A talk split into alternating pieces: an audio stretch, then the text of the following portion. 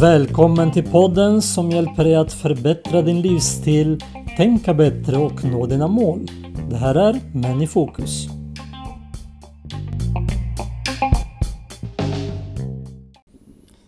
Hej och välkommen till avsnitt nummer två av den här podden Män i fokus. I första avsnittet gick vi igenom frågan vad är framgång och mer specifikt kanske vad framgång är för dig, vad det betyder för dig. Och eh, har du inte lyssnat på den så får du gärna gå tillbaka där för idag ska vi gå igenom hur man sätter upp mål. Och en av de viktigaste sakerna att veta är att eh, målet måste vara meningsfullt för dig. Eh, därför att eh, dina mål behöver vara i linje med hur du tänker om dig själv, hur mycket du tror på dig själv eller vad du tror på. Eh, och sen också vilka värderingar du har. Så att eh, du inte sätter upp mål som strider mot detta för då kommer du snart att tröttna, snart att stoppa dig själv och börja om hela tiden. Eh, och eh, kanske samvetet skaver lite med att ditt mål inte riktigt är i linje med vad du egentligen vill. Eh, därför måste du tänka igenom vad du står för, vad du tror på, vilka värderingar du har så att målen blir meningsfulla för dig. Eh, I nästa steg så kan man använda sig av olika strategier. Eh, ett av de eh, mest kända strategier stavas SMART eller förkortas snarare SMART S-M-A-R-T och det kommer från det engelska språket men det fungerar ganska bra också på svenska. Där S står då för specifika mål. Eh, och eh, det är viktigt att kunna se det framför sig. Om du skriver ner ditt mål så ska det vara ganska specifikt med detaljer så att du ska kunna visualisera och tänka exakt hur du vill att den ska vara. Sen kommer nästa bokstav och det är M och det eh, står för mätbara mål. Eh, alla mål går inte att mäta, det beror lite grann på vad det är för typ av mål men du ska kunna formulera ditt mål så nära som möjligt eh, så att du kan mäta det så att du ser vilka, eller vilka framsteg du har gjort på vägen. A står för achievable på engelska eh, uppnåeligt på svenska skulle man kunna säga.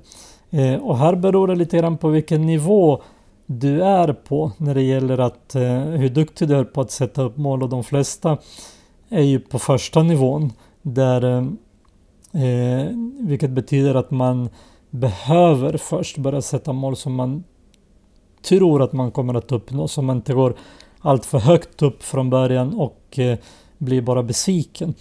Eh, och därför kommer sen nästa bokstav som är eh, realistiska mål.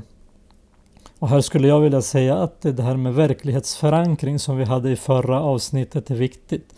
Alltså, du kan drömma hur mycket du vill, hur högt, du kan sikta hur högt du vill, men du måste ha verklighetsförankring så att dina fötter står på jorden.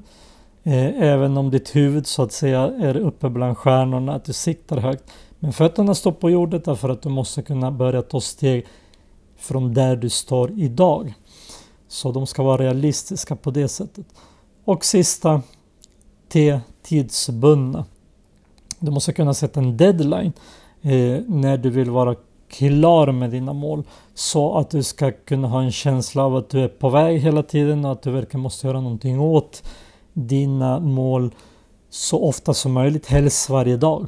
Så att du vet att du är på väg. Så SMART-konceptet alltså kan vi använda oss av för att sätta upp mål. Eh, och som jag sa i början så ska du sen då anpassa dem med dina personliga värderingar eh, och din övergripande livsvision om du har en sån, det vill säga eh, hur du ser på, på dig själv, samhället, dina närmaste. Eh, dina mål ska inte strida mot allt det utan du måste kunna stå bakom dem.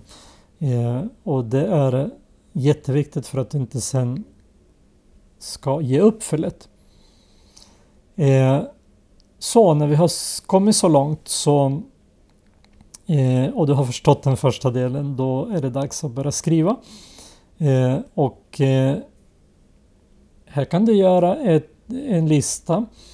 Eh, du kan till exempel skriva minst 20 mål eller saker som du vill nå eller som du vill ha i ditt liv och titta på om de passar in i dina värderingar. Eh, så pausa och skriv 20 mål eller när du har lyssnat klart så skriver du ner 20 mål på ett papper eller på en padda eller vad du har tillgängligt. Sen när du har gjort det, eh, då väljer du de tio främsta målen, alltså de tio målen som är viktigare, som är viktigast av de här 20. När du har gjort det, då väljer du det viktigaste målet av alla dem eh, och sätter den längst upp. Sen lägger du de andra målen eh, i, i, i ordning i hur viktiga de är för dig. Så först 20 mål av allt det du vill. Sen tar du 10. De 10 viktigaste. Och av de 10 viktigaste så väljer du den viktigaste, sätter längst upp eller främst. Eh, och eh, den som ligger nummer ett, det ska vara ett sånt mål som eh, är betydelsefullt i ditt liv. Så om du skulle uppnå detta, då skulle ditt liv bli annorlunda. Då skulle du komma eh, långt med också allt det andra du, du vill i ditt liv. Eh, den här övningen kan du göra flera gånger. Du kan ge det tid, du kan fundera på den, du kan ändra om och du kan få till din lista för att verkligen sålla ut de viktigaste målen. Eh, och då ska du komma ihåg att de ska vara specifika, mätbara, verklighetsförankrade och de ska ha en deadline när du vill vara klar med dem.